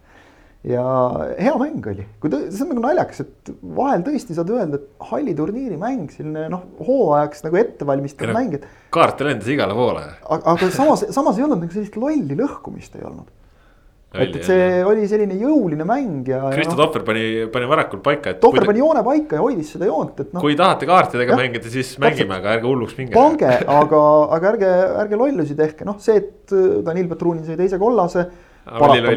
no see oli lollus muidugi poole lõpus võtta, sest noh, vist juba Reitel plaanis nagu ütles vist otse välja ka, eks ole, et see juba paistab nagu paistis kätte, et sealt tuleb aga kahjuks tuli enne ära eh, teine kollane, kui, kui tuli ära poole paus ja, ja noh, lõpus see, et, et, et, et seal see Tomi sai, sai. Fang Ponga. jah äh,, tubli tulevik on osanud tuua endale sellised mehed, kelle, kelle nimed. Äh, kuule, ma ütlesin, ma ütlesin konkreetselt oma, õigesti. omavahel kipuvad segi minema, aga Tomi ongi, ongi Fang Ponga jah. jah, Tomi Fang Ponga on, on äh, täitsa, täitsa õige, kiidan. et, et noh, ka selline mänguline olukord, läks palli võtma, ei tahtnud nagu meest lõhkuda, lihtsalt läks kogemata tagant jalga ja punane kaart oli õige otsus, aga noh, jäi hiljaks. kogemata läks tagasi. no jäi hiljaks, aga mitte see, et ta läks nagu seal ja, meelega kellelegi viga tegema, toorest viga või midagi sellist, oleme neidki näinud paraku taliturniiril küll, küll ja veel. aga, aga sihuke noh, Lõuna-Eesti meeskondade omavaheline madistamine, see on ju põhimõtteline, seal on ikka korralik Westman piibeleht käinud, et, et küll nüüd tabelikohtade poolest on Tammeka peale jäänud siin viimastel hooaegadel, aga, aga omavahelised mängud on olnud alati sellised vihased andmised eelmisel hooajal siin kolm-kolm, eks ole, ja, ja kõik niisugused, et, et seal on tõestamist küllaga ja noh, võtame kõik need mingisugused kes liikus tulevikku ja siis tagasi Tammekasse faktorid ja, ja kõik need. võib-olla jah, kui midagi huvitavat välja tuua, siis äh, Tartu Tammeka realiseerimine praegu kolme mängu põhjal olnud äh, väga kehv ja, ja no arvestame ikkagi seda, et tulevik mängis selle Petrunini eemaldamise tõttu terve teise poole ja kümnekesi. ja, ja ma ei ütleks, et nad nüüd nii hullusti ka nagu betoneerisid seal, et, et nad ikka üritasid no. natuke jalgpalli ka mängida. muidugi sa mängidki kümnekesi kaitsest lähtuvalt. liinid, liinid olidki all jah. sest arvestame seda, et, et vaat kui vahel siin on nagu juttu olnud, et umbes, oo miks treenerid ei lasknud üksteist üheteistkümne vastu mängida. aga hooaja jooksul tuleb sul ka ette ju kindlasti no suht suur tõenäosus, sul tuleb ette olukordi, kus sa mängid kümnekesi no,. praegu oli suurepärane võimalus äh, harjutada ma saan selles mõttes täiesti loogiline, ma Jaanus Reitele asemel oleks võib-olla isegi öelnud, et kui ka pakutakse, et ei, ma ei taha, teeme nii, et noh eduseisus ka veel, eks ole, et mis sul seal ikka nii väga nagu kaotada on, vaata tulevik on saanud siin nagu sellise hea emotsionaalse põhja juba alla ka, et, et, et neil nagu see ei tohiks olla probleem. Tammekal natukene selles mängus oli näha, et noh, kaks korda on tappa saadud, et nüüd nagu tahaks natuke juba tõestada, mis on tegelikult väga okei okay,, et, et noh, mehed ei, tahavad no, teha. aga mängisidki, mängisidki mõnusa kõrge pressiga Just. ja tegelikult terve mängu mängisid ära ka ja see on. eks see no... kõrge press, see tõigi neid kaarte ka natukene, see on paratamatu, et sa jääd siia, sinna hiljaks, siis hakatakse natuke tagasi tegema ja nii ta läheb aga.... ja no eks nad on ise ka hiljaks jäänud siin oma nende tulemistega Tallinnasse ka, et selles ja. mõttes seda küll, seda küll. selles mõttes ongi vaja tõestada. kaks korda sama reha otsa jooksmine on ikkagi juba natuke muster. Kasperi, kuule, kas äh, Kanada ääremängija nimetad ka täispikkuses öelda või? Äh,? kas on Karts, äh, Carson äh, Butchman Dormand? jah, päris, see on juba kõrgem pilotaaž, kahest kaks. Ei, noh, mul, ma, mul on ikkagi, kui tahad, ma võin oma märkmiku välja võtta, mul on märkmikul äh, mõlema võistkonna asetused äh, mängu jooksul vahetustega, nooltega, kuhu keegi liikus ma ikkagi, kui ma jalgpalli jälgin, siis ma jälgin ikkagi süvenenud seda. Seda on hea kuulda, et niisugune mees on peatoimetaja ikka. jah, et, et meil, et meil üks selline mees ka toimetuses on. mainime ära võib-olla korra veel selle ka, et Raimond Mets sai väljakul ärme temast palju räägi. ei, palju ei räägi, aga tuleb, rääkisime tema, noortest. mul tema, mul temaga suuremad plaanid. selge, rääkisime noortest, tuleb peale küll, aga jah, Fagbongbe ja Ogungbe, nii et eh, noh, õnneks Ogungbe on Atanda, nii et, et temaga, temaga saab vast nagu nime poolest lihtsamini, aga me peame ka harjutama hakkama, ega siin ei ole me midagi hooajaks. tõesti peame, sellepärast. me ei saa ainult Kasparit saata Viljandisse. ei saa jah, suur soojaks. sellepärast, et äh, kuigi veel ametlikke asju ei ole, siis, siis suurem osa nendest meestest, kes äh, tuleviku poole pealt väljakul käisid, ikkagi on jäämas äh, seda ei tahetud küll nagu võib-olla täiesti kindlas kõneviisis öelda. Sander Post, tuleviku spordidirektor ütles ka, et noh, võib toimuda nii sisse kui ka väljaliikumisi, nii et Äh, midagi veel äh, lukku löödud ei ole, aga, aga suures plaanis need mehed, kes seal kohapeal olid, nendega jätkata tahetakse. nüüd me hakkame jõudma sellesse faasi, kus mingid mehed on teinud seal kaks-kolm nädalat juba võistkonnaga koos trenni, ehk et äh, noh. kui sa ikka meest ei taha, siis sa saadad ta juba minema, et kolm nädalat ta sul seal ei toksi. just, ja, ja teistpidi Tartu Tammeka poole pealt, Tartu Tammeka poolelt ka kindlasti jalgpallisõbrad suure huviga ootavad, kas, millal, kuhu ja keda. Kaido Koppel ütles kahjuks mul ei ole teile mitte midagi öelda. kui mul oleks, räägiksin väga hea meelega, paraku mitte, ehk siis eh, seal ka hetkeseisul selline suurem tuumik on olemas ja. ja noh, tegelikult seal need noored kutid näitasid, kes on duublist tulnud, et eh, seal on ainest on, nii et äh, eks saame näha. no Tammeka duubel on ajalooliselt sellise kriitilise piiri ületanud, need mehed on sul noh, kogu aeg iga aasta tuleb üks-kaks venda. vähemalt, et nagu tõesti nagu praegu mõelda. nii, nii, nii nagu suvaliselt lihtsalt sügavust juurde tuua ei ole mõtet, kui sul on, kui on vaja tuua, siis too juba ikkagi jalgkossis on mees. kui me mõtleme praegu ka selle peale, eks ole, et äh, U üheksateist eliitliiga võit Tartu Tammeka et noh, seal, seal neid vendi on küllalt, kes nagu on võimelised nüüd tulema, kellel tegelikult oleks ka aeg tulla, kes hakkavad seal saama kaheksateist juba. no tuletan igaks juhuks meelde, et äh, see Tartu Tammeku üheksateist satsi eest äh, meistriliigas mängis muuhulgas ka mingi sihuke vend nagu Patrick Enro-Veel no. võib-olla olete kuulnud, et. äkki et. Äh, äkki, äkki isegi kui seda mängu vaatasite, siis, siis nägite teda mingeid ilusaid liigutusi tegemas. võib-olla, võib-olla kuulsime ka sinu häält võimalik, võimalik no see selleks, ühesõnaga Lõuna-Eestis on treenimisega on praegu kehvasti, aga töö käib, mehed otsivad lahendusi, annavad endast maksimumi ja noh. loodavad valmis olla, loodame selle nurga alt, et ühel hetkel see talv ka ikkagi pehmemaks muutub, sest eh, no, võt, muidu, muidu on ühel hetkel, et me võime praegu sinna hallis neid asju mängida, aga. aga kui meil kuu aja pärast on ilm samasugune, lund sama palju ja väljakud sama jääs, et noh, siis. No mis on, et paneme nagu Gibraltarile, et kogu liiga kõik mängud ühe väljaku peale, et. no vot mõned aastad tagasi oli see, kus Portlandil hommikul alustati, õhtul lõpetati. no see aasta tuleb ka niikuinii no, on seal juba. niikuinii juba selle tõttu. mitu satsi kodu, koduks on sport Portland vähemalt neli. jah, no palju meil Tallinnas on neid altküttega kunstmuruväljakuid, eks ole, et, et. no altkütte jaoks jälle raha ka kellelgi. jah, just tahtsingi selleni nagu jõuda hästi kiiresti, et, et, et see nagu näitab, et asi on jama tegelikult. Et, et Tammekal Sepa staadionil on altküte olemas ja, ja ma saan täiesti Tammekast aru, et nad ei lülita seda praegu sisse sest see on ropp raha ja mida, mida suuremad miinuskraadid, seda rohkem sa seda õhku pead kütma. ehk et. kokkuvõttes ärge ehitage altküttega väljakuid, ehitage kunstmuruhalle, juhhei jah, no õnneks ehitatakse ka, aga, aga et, et see, vaat see on nüüd see koht, paneme Pärnu siia juurde, kellel, eks ole, ka need tingimused täiesti puuduvad nagu seal, noh. see, mida Viljandi tegi, on, on nagu ainuvõimalik lahendus selles olukorras, tulla Tallinnasse, mängida siin siis hallis. noh, õnneks Viljandis järgmisel talvel juba on hall, seda võib vist kindlalt öelda, eks ole, on ka Tartus, noh mujalgi. aga, aga kõik kohad ei saa seda veel ja, ja, ja see nüüd, et umbes, et aga mängime, aga uljalt siin noh, täpselt hangest hangeni ja, ja küll see infra tuleb järele. see, et hooaeg on pikk, okei okay,, seal on omad argumendid, miks see võib olla vajalik, eks ole, ja, ja noh, las see jääb. aga see, see infra peab ikkagi olemas olema no,. okei okay, muidugi..., töö käib, ma olen nõus, aga me praegu nagu näeme, et, et noh oleks võinud käia võib-olla natukene teise, varem juba. see see on noh, täpselt kriitika tegelikult ennekõike omavalitsustele, sest et ükskõik kuhu mujale me maailmas vaatame, need asjad käivad omavalitsuste kaudu, Eestis tohutult äh, armastatakse seda Islandit tsiteerida, näiteks tuua ja, ja siin tuua tsitaate ja rääkida, et vot seal Islandil nii ega seal Islandil ka ju omavalitsused on need, kes panid õla alla ja ehitasid ja, ja asja mõte on selles, et, et anda noortele tegevust, kasvatada tugevamat põlvkonda peale. kasvatada no... neid samu, ütleme, Sten Jakob Viidaseid, kes lähevad välismaale, eks ole, ja Sinjavski.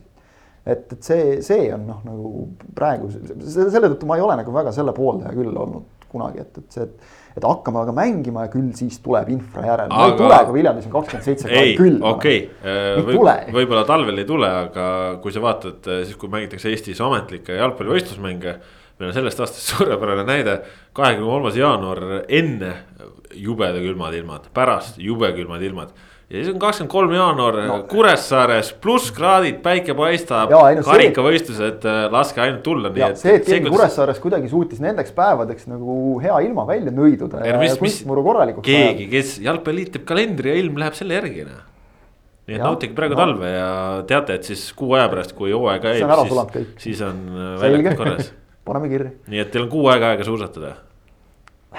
ma nüüd lähen siis siit saime saatele pealkirja ka kohe jah, aga tegelikult, kui me Kuressaarest rääkisime, siis nemad mängisid pühapäeval äh, jalgpalliklubiga äh, Tallinna Leegion.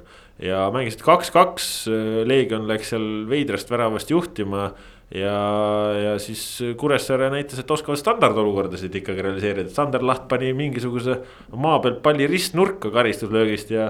ja Märten Pajanur realiseeris penalti ka ja lõpuks oligi kaks-kaks, et seal oli, ütleks selline võrdne lahing ma ütleks, et natuke sarnane mäng nagu see Tammeka tulevik, et sihuke mõnus andmine, teisel poolel natuke vajus ära, noh, mis on paratamatu, et tulevad seal igasugused uued mehed ja, ja varumehed ja, ja noored mehed Leegionil ja noh, kes lihtsalt kokku mäng lonkab, et see on paratamatu aga, aga esimesel poolajal jah, algul tundus, et nagu Leegion läheb oma teed, aga noh, kui sul on ikkagi Sander Laht, siis, siis sul on ka väravaid. et ma ei tea, kuhu ta need eelmise aasta lõpus tõesti mõned väravalöömise putsad kaotas, et ta sealt kolme meetri pealt seitse meetrit mööda lõi ja nii edasi, aga, aga no igatahes vähemalt, vähemalt tuulimees leidis äh, talvega üles. leidis kapinurgast üles. leidis kapinurgast üles ja nüüd tuleb jälle, et, et äh, oli Kuressaare suur noh ma ütleks ikkagi suur trump võrreldes eelmise aastaga on see, et ega see meeskond nüüd noh, nagu suures plaanis nagu tohutult palju mingit arenguhüpet edasi ei ole teinud. aga Kuressaare pink on läinud palju, palju pikemaks, vähemalt praeguse seisuga ütles ka pärast mängu Märten Pajunurm väga õigesti nagu, et kui hooaja lõpus tuli seal umbes nii viieteist mehega hakkama saada siis praegu vähemalt on neid umbes kakskümmend, et see, see on ikkagi nagu väga suur asi tegelikult Kuressaare jaoks. kusjuures, kui me siin räägis, rääkisime ikkagi Sander Lahe väravlõimist putsadest, me peaks isegi tead võtma vist ette ja, ja vaatama läbi kõik galeriid nendest mängudest, kus Sander Laht on värava löönud. Et mis putsad tal jalas on, sellepärast et vaat Sander Laht on selline mängija, kes tõesti vahetab putsasid väga tihti. tal on erinevateks mängudeks erinevad putsad ja ta võib mängida ühe mängu jooksul ka kahe paari erinevatega. nii et selles mõttes eh, siin võib isegi tead loo alget olla. võib-olla mängiski kogemata kahe vasaku jala putsaga, et ega siis ei saagi nagu välja tulla. õnneks neid galeriisid vist väga palju ei pea otsima ka, kus ta väravaid löönud on. ei no sõltub. tal oli vahepeal aasta aega pausi. ei no sõltub, kas me vaatame. kas, kas me vaatame eelmist aastat või me vaatame üle-eelmise aasta ka, et et äh, ühesõnaga peab vaatama, see on täitsa huvitav teema, sest Sander Lahel jah, tal. kuus galeriid oma eelmisest te,. tema ei ole nagu, ma ei tea, siin. neli, sorry, ta lõi kahes mängus kaks te,. Te, tema ei ole nagu, ma ei tea, Konstantin Vassiljev, et igal juhul tead, et Nike tempo on jalas, et äh, Lahel või need asjad võivad seal jalas muutuda, et vaatame üle, see on täitsa huvitav kodune ülesanne. see on jah selline analüüsi koht täiesti. aga. jah, aga ei, mäng oli noh, vahva aga, aga samas mängi... arvestame, et mõlemal meeskonnal ikkagi teine kontrollmäng alles, et, et noh okei okay,, Kuressaarel oli see karikamäng ka, eks ole, aga, aga. ega seal võib-olla kõige olulisem oligi, et uh, uusi nägusid uh, ei olnud tekkinud, ehk siis uh, mõlemad praegu lasevad uh, sama seltskonnaga nagu nad on teinud, ehk siis Kuressaarel on oma uh, Flora noored uh, juures ja, ja ja Leegionil on siis äh, ka mõned, äh, mõned täiendused, äh, noh eesulgas siin Sander Purid ja asjad, kellega tundub, et on asjad paigas. ja, ja vist on välismaalt ka veel, no ikkagi optimistlikult loodetakse, aga, aga uusi nimesid praegu ei olnud, ehk siis noh, ongi veel asjad paigas ei ole. ma, ma jubedalt nagu noh, okei okay,, las tulevad need uued mehed, tore. loodetavasti on head mehed, kasulikud ka, aga aga, aga ma tegelikult jubedalt selles mõttes isegi tahaks, et nad ei tuleks, sest tegelikult Leegionil seda sügavust on, on kõvasti satsis nii või teisiti. juba eelmise hooaja koosseisu pealt. ja, ja ma, ma tahaks näha selliseid nimesid, ma usun, et näeme ka. Smirnov, Ivanov, Nikolajev kõik need kahe tuhande kolmanda aasta poisid, kes olid seal suu seitseteist koondises, kes nüüd hakkavad nagu ka mehe ikka jõudma.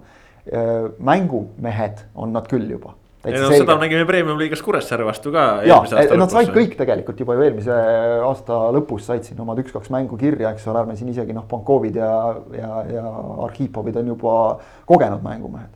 põhimõtteliselt tuleks siis, kui nagu, kui teoorias võtta, et esinelik on paigas, siis on Tammeka Leegion järgmised kaks ja siis tuleb ju see viies-kuues koht tuleks sellisel juhul uuesti see U üheksateist eliitliiga finaal koos tugevdatud tugevdustega, et siis põhimõtteliselt need mõlemas satsis on viis venda umbes nagu need noored. muide, kui nüüd tulevik ikkagi lööb siin käed nende meestega, kes on mänginud, arvestame, et eelmisel aastal tulevikul ikkagi jah, on okei okay,, Maarin puudu, Kapper puudu. aga eelmisel aastal tulevikul kõik legionärid panid lati alt läbi. et, et sealt saab ja Nõmme muidugi see on, see on tuleviku suurim küsimärk on väravavähi kohal. nõus, nõus, arvestades, mis siin Ritson on paar tükki juba küpsetanud. jah, aga noh, ütleme nii, et, et vaata Ritsonil ei ole ka nagu seljatagust praegu seal, seal on noored poisid ainult, et, et see, see on natukene. mitte, et ka Ritson ise liiga vana oleks. no ka seda jah, aga seal on veel nooremad poisid, ütleme siis. aga, aga et see on võib-olla siis noh, nagu selline kõige suurem nagu tõestamise koht tulevikul, aga et kui seal ütleme näiteks noh, Atanda, kes on jätnud ikkagi tegelikult nagu oodatult hea mulje, arvestades, et kus see mees on mänginud viimastel aastatel. et ta peabki nagu hea mees olema järelikult. et, et noh, kui sa saad sellise kaitsetugitala, kui nüüd jällegi rääkisime siin nendest hea tuju mängijatest, kui Herol näiteks saab ennast käima. eelmisel hooajal oli tal ka kahvatamaid perioode selgelt, et noh ma ei, ma, ma ei kannaks sellest, ütleme sellest viienda, ma paneks see viies, kuues, seitsmes. kuule, ennustame kuu aja pärast Lähme nüüd edasi. ja, ja, kuhu me lähme? Rasmus, kuhu me lähme nüüd? Rasmus tahab Nõmme. Nõmme Kalju juurde. Nõmme Kalju juurde, selge kuhu sa tahad minna juba? ei, ma oleks ühe teise võistkonna kohta küsinud, aga me jõuame sellest rääkida.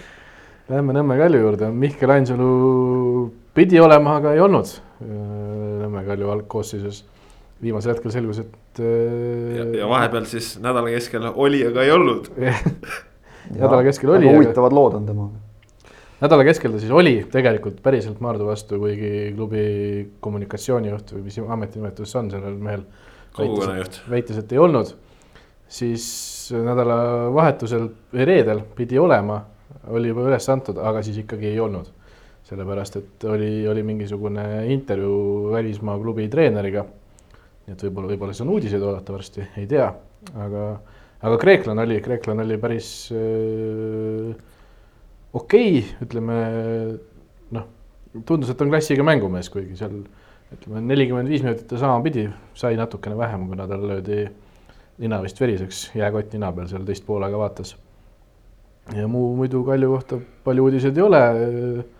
kaks hollandlast on tulemas, ründaja, kontrolli, poolkaitse, üks tegelikult on olemas juba, aga karantiinis ja, ja teine veel tuleb ja kumb olemas, kumb tulemas, ei tea. ja Pärnu kohta mängijate osakonnas uudist ei ole. treeningtingimuste osas on juba kõik öeldud, mis siin. ülevaade antud jah. Tartus ja, ja, ja Viljandis ja, ja sarnane värk. aga ühesõnaga, kui Nõmme Kalju puhul siin vahepeal oli ikkagi natukene juba siin jalgpallisõpradel kartus hinges, et, et kas nii minnaksegi, et siis ikkagi päris nii ei minda hooajale vastu, et. et ikkagi veel vaadatakse ja noh, siin mõned lahtised pusletükid on, et noh, teame, et Ainsalu prioriteet on välismaale saada, aga aga noh, ei tea ju veel ka, mis Artjom Dmitrijevist saab, et äh, tema ka loodab välismaale minna, aga. aga kui ta ei lähe, siis noh, on seal keskväljal ka juba ikkagi Rantsevil väga hästi, et. Äh, no tundub, et Ainsalu ja Dmitrijeviga on ikkagi seis erinev, et ütleme. Dmitrijev ei ole nii konkreetselt Kalju enda plaanides sees, kui Ainsalu oleks, et Dmitrijeviga nad vist arvestavad rohkem, et teda nad tõenäoliselt ei saa, võib-olla ei püüagi Ainsalut nad, nad tahaksid näha. aga Ainsalu ise tahab ikka ka selgelt välismaale, et. just. see. no see, Ainsalu on ka Kalju KTM. see oleks tegelikult selles, selle, selles aspektis väga oluline jah, et praegu ju endiselt peaks mängima vist Usta ja, ja Pauriga või? Äh, Tamm ka. ja Tamm ka, jah. noh, neljas on juba Berk. just. või Demi-, Demidov jah, et selles suhtes äh, huvitavad olud, aga noh, tore näha, et ikkagi mingid plaanid seal on ka. saame näha siis jah, et äh, kui sealt äh, koroona isolatsioonid läbi saavad, et, et mis mehed sealt välja tulevad.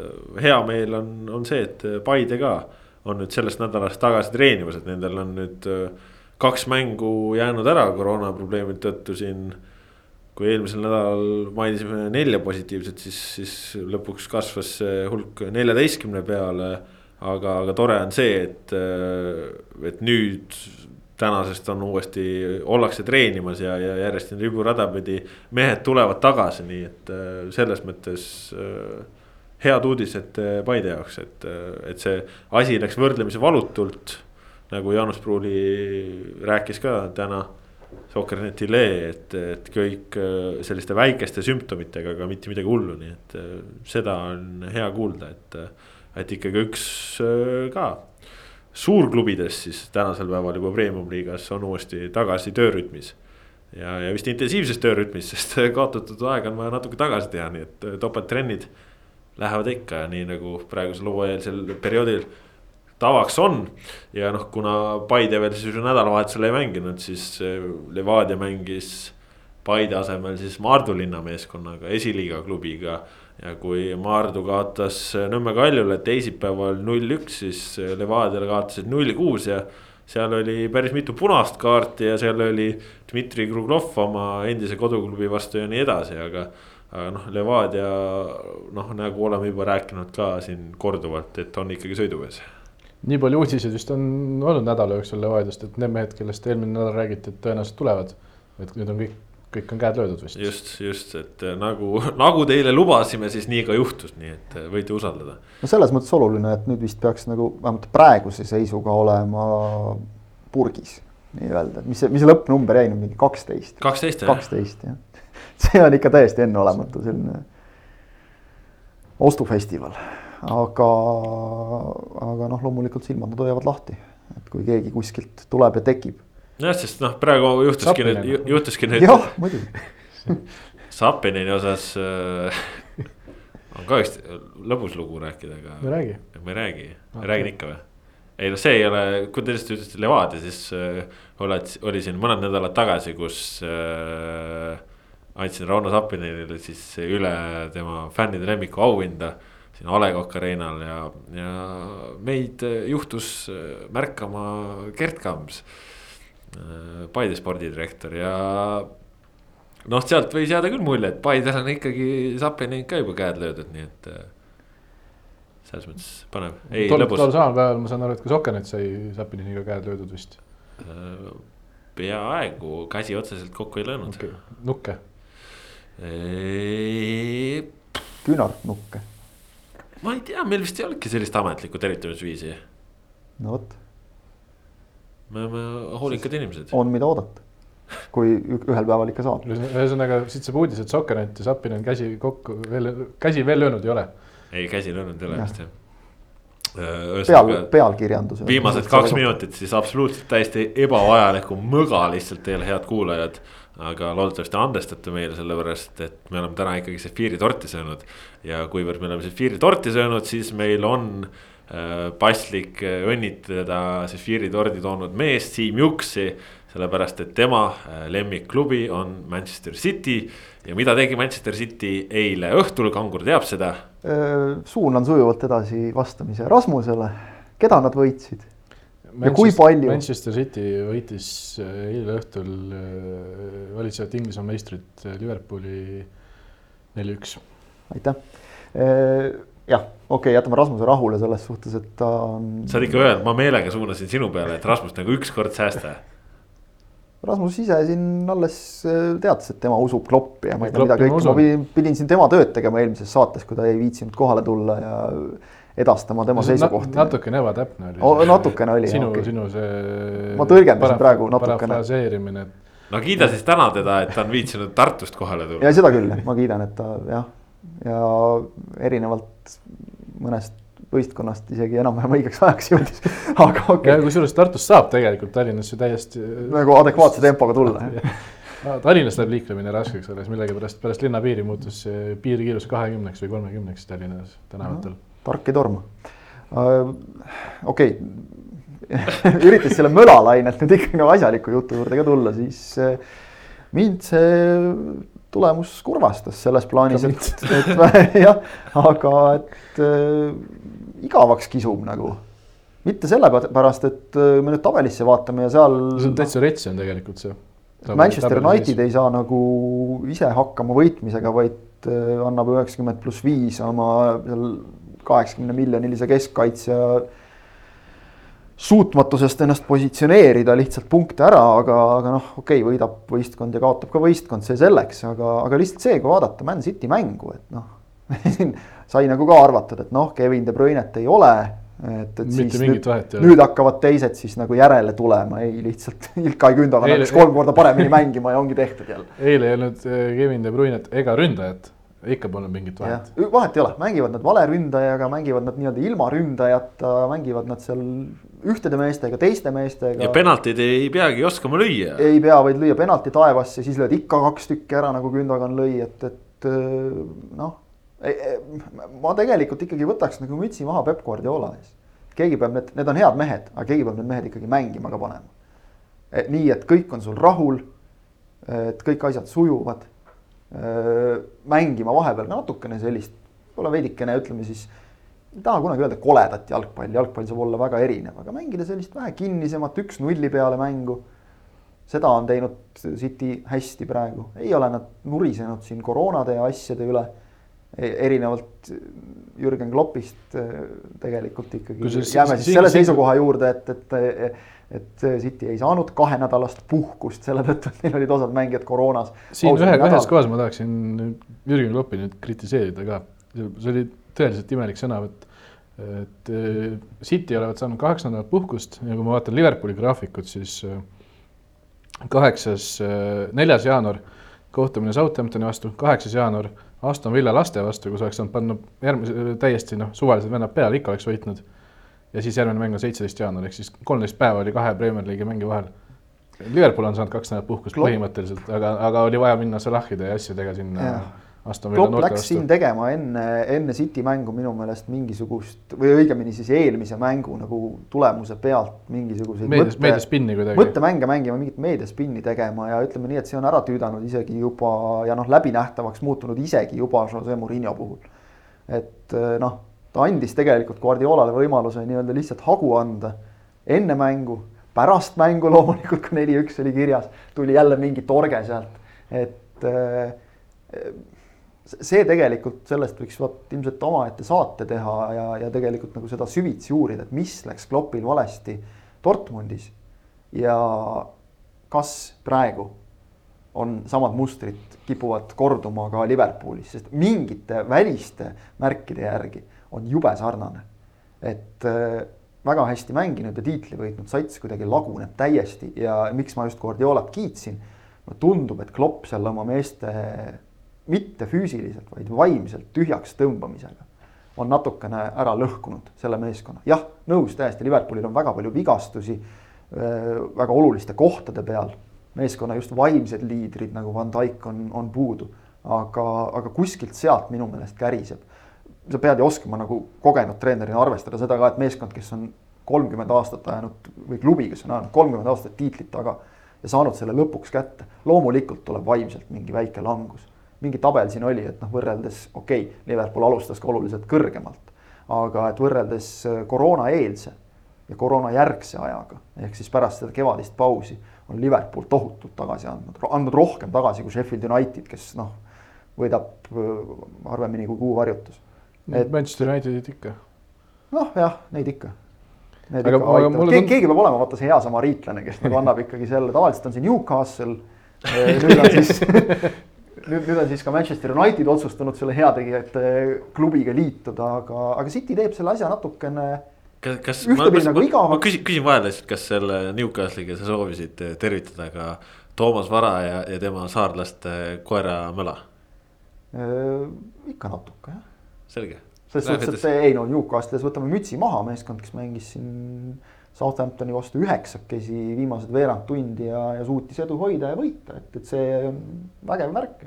Steve Bruce on ikkagi päris, päris jalgpallitreener, tuleb välja sealt, aga noh Newcastle'i fännid, eriti, eriti niivõrd äh, kogenud mees nagu Toomas Vara kindlasti teab, et äh, õnn on üürike, kui sa oled Newcastle'i fänn. et nüüd on siin juba vist kolme mängu jooksul kaks korda võidetud, et ega see ilmselt kaua kesta.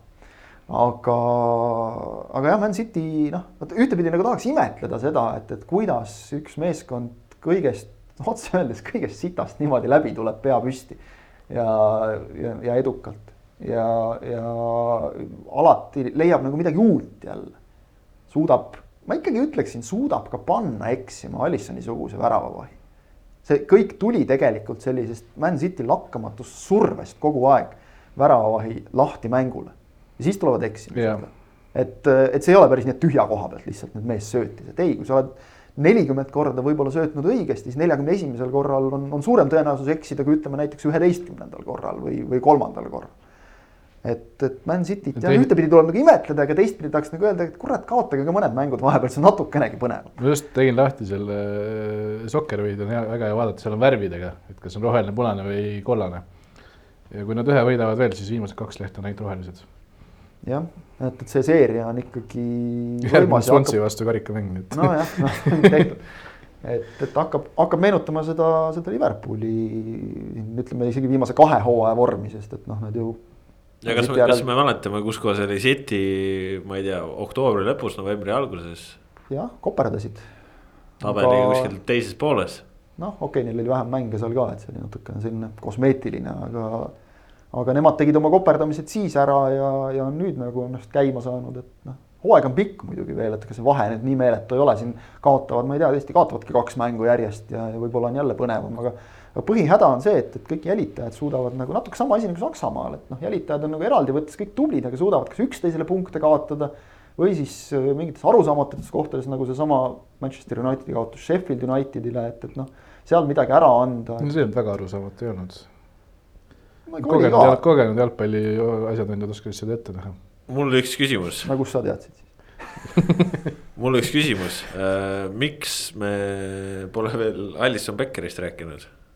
no mainisin korra kahe sõnaga, mis seal ikka, kui see tortide või ma ei tea, kookide küpsetamisest rääkida siin, siis tegi ikka korralikud pirukad valmis. ikka juhtub. ikka juhtub. keegi, keegi ütles küll kohe, et, et noh, suur mäng ja, ja Liverpool, et siis alati juhtub. noh, üks Kaarjus juhtus, nüüd juhtus jälle, et ega ma arvan, et kui võtad siin viimase nelja-viie aasta lõikes ülejäänud suured meeskonnad, siis ikka tuleb mingisugune käkk sisse nagu või kaks, et, et ka suurtes mängudes. ikka juhtub. ja ma ei tea, ma ei tea, absoluutselt ei tea, tea, kui palju teda häiris see, et ta ju nädala keskel, keskel oli ha- haiglavoodis, mitte haiglavoodis, vaid haigavoodis alles. Ei mänginud Brightoni vastu, et öö, kui, kui terve ta oli ja, ja kui valmis mängima, et. öö, võis häirida küll. veidrad ja ebatavalised no, kahtlemata see esimene, esimene oli siukene. noh, tuleb veel ette, et enam-vähem said aru, kuhu ta mõtles selle panna, aga aga see, see teine, see oli ikka noh. seal oligi ainult Man City mees, kellele sööta ja söötis ka väga täpselt. kus, kusjuures enne seda veel äh, see olukorra alguses, kui ta söötis äh, sinna otsajoone äärde enda mehele. juba see sööt oli sellise mm. -hmm. moega, et kuule, et mi- mis, mis see nüüd oli, on ju. et seal sõber paikas ära, tuli keskelt läbi, tuli tagasi ja siis no proovime uuesti. ühe Aga- korra ei läinud pekki, et äkki nüüd. see on ikka nagu see jälle see, et iga hinna eest tagant lühikese sööduga. nõus, jalgpall on, olen nõus, jalgpall on muutunud, see pika palli peksmine ei olnud kuskilt otsast parem, see on iseenesest väga äge, et mängitakse tagant lühikese sööduga ja see, väravavahi roll on muutunud ja ja ta ei ole mitte see mees, kes palle püüab ainult, vaid see, kes ka jalaga mängus osaleb kogu aeg ja ja, ja liigub kõrgemale, kui teised rünnakule lähevad ja, ja aitab seal ka nagu siduda ja palli üle viia vajadusel. aga no, no kogu aeg hambad ristis ei ole vaja ju kui sa endale kaks, ühe juba ehitasid, no ära siis teist ehita, aga ta tegi veel teise piruka sinna seal, kõrvale. seal juba, juba mitukümmend sekundit enne seda esimest pirukat oli ka, et pange see pikk ette juba, see on ilgelt halb näeb välja, see on nagu Et- et aja küsimus, see on ainult aja küsimus. tegelikult võib, tegelikult võib ka pikka palli mängida mm. -hmm. täitsa, et, et noh, mingil hetkel siis me hakkame nagu imestama või praegu me räägime sellest, et me oleme nüüd jõudnud sealt nagu edasi, et, et äh, enam nagu ei ole mõtet kiita väravavahti selle eest, et ta on jalaga mängus hea, et, et noh, see on nagu eeldatav. Ründajat me ka ei kiida nagu, et ta oskab õiges suunas lüüa, et, et noh, no, nagu kiidame küll, sest äh, No samamoodi laidame neid, kes ei oska seda teha. no seda küll, aga, aga et eh, noh, varsti me hakkame võib-olla rääkima, et päris hea mängija, et vaata, oskab pikka palli anda. Erinev nagu teistest, et, et see, see oleks ka natukene nukker no. see City oli päris, päris jõuliselt oli ikkagi üles, üles vastu tulnud, et seal võib-olla oleks olnud jooksu peale isegi hea pikaga mingi, mingi variant küll. et täpselt seal oleks võinud hea pikk sööt olla, olla kõvasti pikk ja jällegi Cityt tuleb kiita selles mõttes, et neil minu meelest oli esimesel poolajal vist kas, kas null raamilööki.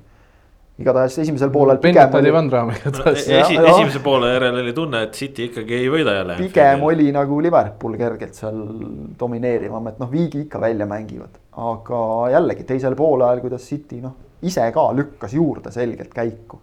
Ka, kaks eksimust ikkagi olid need, mis äh, nagu selle juba enne vaimse kausi nagu nagu ümber et need pöörasid. eksimused tulid selle pealt, et City läks intensiivsemaks. seda küll. mul tuli praegu meelde, et Alisson oskab panna pikka küll eelmine aasta Manchester Unitedi vastu kodus. pani Salahile seal ühe üheksakümmend pluss väravasöödu. jah, oli oskab, oskab. mulle meeldib, et äh, su näited ja meenutused äh, seostuvad tihtipeale Manchester Unitediga. No vaata, siin on see ikkagi, et, et kui noh, inimesel ei ole aastakümneid olnud nagu mitte millegi muu üle rõõmustada, siis on alati aastas need kaks mängu, et siis saab nagu tekitada endale tunde, et selle aasta, selle aasta need kaks ei olnud väga head.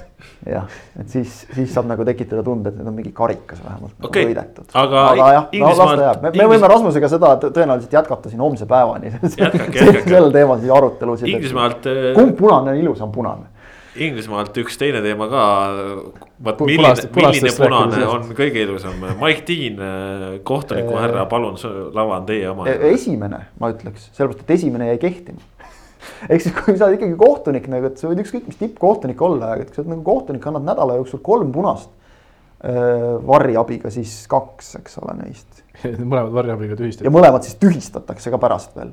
et siis on nagu ikka veid peeglisse vaatamise koht, ma arvan. et noh, aga kellel, kas äh, temal või Varril või mõlemal? Öö, temal, ma ütleks, peakohtunikul, sest et otsuse langetab tema ja Varr ju, Varr ei saa ju öelda, et kuule, anna nüüd punane.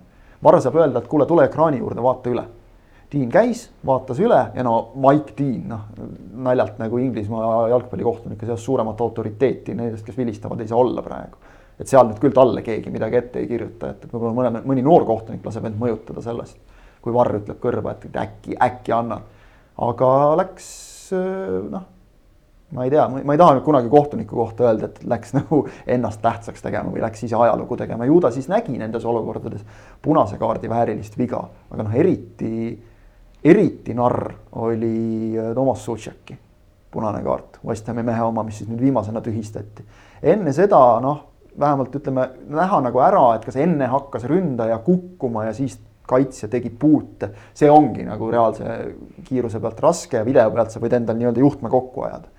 aga, aga need on nüüd kahjuks olnud need Varri noh, nagu need halvemad näited, et keritakse, vaadatakse, uuritakse, siis tehakse otsus seda Zutšeki olukorda ta uuris seal oma minut aega ja mitu korda ekraanilt läbi käis ja täpselt üks kaader kogu aeg, mitte midagi ei muutu seal. ühe sama nurga alt, kas, kas oli küünarnukiga löök või lihtsalt hüpe üles, nii et küünarnukk oli kõrgel. Ja, ja siis vaatad, annad selle punase ja siis vaadatakse üle ja punane tühistatakse. no mis mulje see varrist jätab, ei jäta liiga head. kusjuures süüdi ei ole varr kui süsteem VAR tehtigi täpselt selle jaoks, et vaadata, kas üks mängija, kes tabas teist küünarnukiga, lõi teda küünarnukiga või tabas üles hüpates või hoopis hüppas teine mees talle vastu küünarnukki. see oligi ju VAR-i mõte.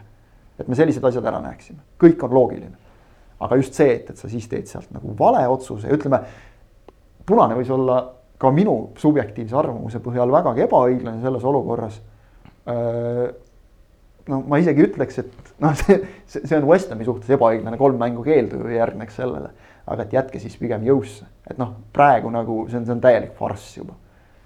et põhimõtteliselt nagu alguses ei anna, siis anname ja siis võtame ikkagi ära. see ei muutnud, kumbki punane nüüd õnneks ei muutnud mängu selles mõttes, et üks oli ühe meeskonna suures kaotusseisus, teine oli üheksakümmend pluss seitse. no aga kokkuvõttes ikkagi keegi pidi mingi hetk väljaku pealt ära minema noh. jah, et noh jama, noh. ja ma ei tea, kuidas see nagu õnnestub, et, et kui, kui teinekord me oleme nagu vahel kirunud Hispaania kohtunikke, kellel kaardid lendavad ühes suunas, teises suunas ja, ja noh, seal lastakse teinekord jutustada ja siis antakse jutustamise eest kohe ja, ja lähevad mängud võib-olla käest või midagi sihukest, et noh, tuline ja temperamentne ja kõik ja Inglismaa on olnud õige jalgpallikants, jalgpalli sünnimaa ikkagi. ja no Varriga on no need rehasid ei jõua enam üles lugeda, mis on nagu õue peal laiali ja kogu aeg kõnnitakse otsa neile. Igas voorus on mingi jama, et, et see, see on ikka täiesti. igal, igal mäng, iga, igal mängupäeval on isegi. jah, võib isegi nii öelda täiesti, et kogu aeg on mingi jant nädalas mitu tükki, et no, no kuidas ei saa korda. ja ei, ma ei taha nagu uskuda ka, et need kohtunikud nii palju kehvemad oleksid. aga ju siis on ei tea, ega ütleme, et vastuseid on meil lõpuks ka ammendavaid keeruline anda, oleme täna mm. juba päris pikalt vestlema jäänud siia. Vähemalt see on nüüd hea, et Outseki see punane tühistati ja ta saab mängida Manchester Unitedi vastu värkas. jah, halb on see, et, et äh, tema punane tühistati nüüd ikkagi siis, kui Fantasy jalgpalliselt punktid juba jagatud. selle vastu tahaksin küll protestida, aga ma kardan, et mind ei võta keegi kuulda selles osas seal mina punkte tagasi ei saa tõenäoliselt näiteks. ja õige on ka. Vot, vot äh, selline oli siis äh, meie teise saja esimene pikk ette ja ise järele, nagu te aru saite. siis meil energiat oli täna kes, palju, sest. kes meil... ütles, et pikka ei osata mängida, eks ole, et tuleb välja küll no,. me, lihtsalt... me anname lubaduse ära nagu, et, et me, me üritame nagu teha nii, et, et see oli siis selle teise saja kõige lühem saade või kõige pikem saade no,. Tahaksin loota, aga ütleme nii, et kui meid ikkagi hea sefiiritordiga kostitatakse, siis võib seda energiat olla palju, suhkur teatavasti äh, annab väga palju energiat ja viib tuju üles ja, ja paneb ka äh, suu äh, rohkem rääkima, et. seega, kes sõitis nüüd Pärnusse, pidi jälle pool tundi maja ees istuma, et saade lõpuni kuulata. ei, Pärnusse sõitjatega on okei okay praegu. okei okay ühesõnaga, jääme selle juurde, süüdi on siin. ütle siis äh, välja ka. ei no inimesed teavad, kui nad kuulavad, tund kakskümmend kolm on. noh, siis see ei ole ju suurem asi üldse. mis me üldse siin numbrit teeme sellest. me oleme hullematki teinud. just, igatahes. tekitad äh, siin asjad segadust. selline oli siis saja esimene pikk ette ja ise järele esimene saade meie ajaloos, mis on tehtud siis Zephyri tordi pealt. Suur tänu veel kord eh, Siim Juksile, palju õnne Manchester City võidu puhul, naudi seda edu, kuniks seda püsib, sest eh, Rasmuse näitel me teame, et eh, edu kaua, kaua ei püsi kaua ei püsi ja ma hakkasin naerma sellepärast, et kangur. ei no lihtsalt... kangur teab hästi jah, kuidas edu kaua ei püsi ja siis ootad, ei hakka neid aastaid kokku lugema viimasest Manchester Unitedi tiitlist parem, nii et. kui läheb mölaks jälle. kuni Ole, on. Äh, jah, igatahes äh, jalgpalli äh, maailmas toimuv nii Eestis kui välismaal kõik olulise leiate ikka jälle Sokkernetist, mitte kuskilt mujalt, sel nädalal plaanis otseülekandeid ka nädala keskel, nädalavahetusel. loodame, et need kõik saavad toimuma ja uuel nädalal oleme siis juba taas kord järjekordsete juttudega teie ees, siis jällegi veelgi põnevamad kui varem, nii nagu igal korral kõik aina paremaks läheb. tänast saate teid teieni Kaspar Elisser, Rasmus Voolaid, Kristjan Jaak Kangur, püsige terved, hoidke ennast ja siis suusatage veel, kuni saate, sellepärast et vähem kui kuu aja pärast algab Eestis premium-liiga hooaeg ja selleks ajaks lumi sulab. Adjöö